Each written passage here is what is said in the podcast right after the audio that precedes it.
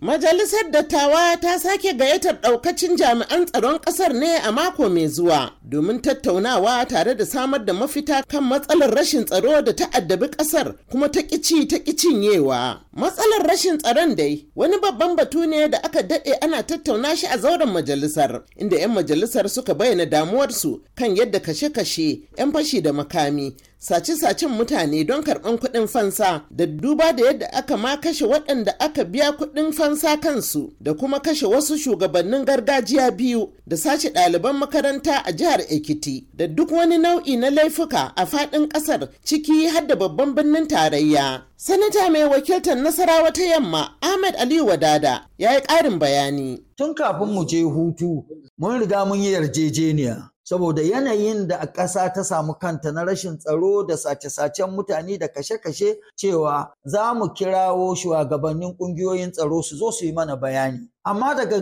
time ɗin da muka fara hutu zuwa yau yanayin ma sai ta ta ƙaru ta taɓarɓare ta fi jiya lalacewa. Shi yasa yau muka yi yarjejeniya muka yarda cewa ɗaya daga cikin ranakun sati mai zuwa za mu yi kiran shugabannin ƙungiyoyin tsaro su zo su yi mana bayani. Za ku tattauna da su a bayyana jama'a ne ko a a cikin sirri dai in dai ba sirri ba ai akwai abin da ba za su iya faɗi ba. Mu ma akwai abin da sun faɗi mana ba daman mu faɗi saboda yanayin tsaro. Amma yawanci abin da za su faɗi mana za mu faɗi maku saboda 'yan ƙasa su gane. To sai dai ƙwararre a fannin tsaro Dr. Yahuza Ahmed Getso ya fitali ne da wannan yunkuri da majalisa ta ce za ta yi. Na ɗauki wannan kira da majalisar ƙasa take yi wa shugabannin hukumomin tsaro a matsayin abin nan da ake cewa tabarmar kunya da hauka ake naɗe ta. Najeriya tana da iko da yanayi da ƙarfin jami'an tsaro wanda za ta iya magance wannan matsala cikin kwana 28 an cika a kai wata shida akalla da kashi 65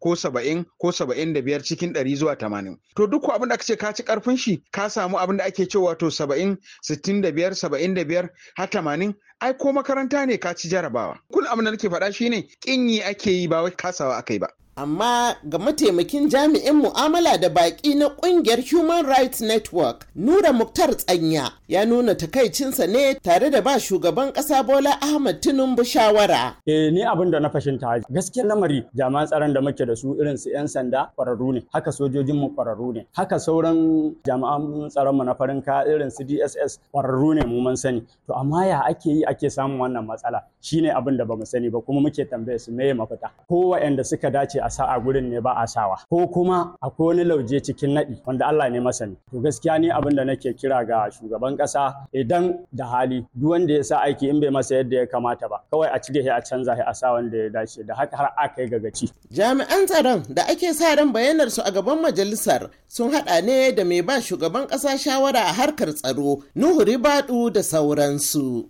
Madina Dauda muryar Amurka daga Abuja Najeriya.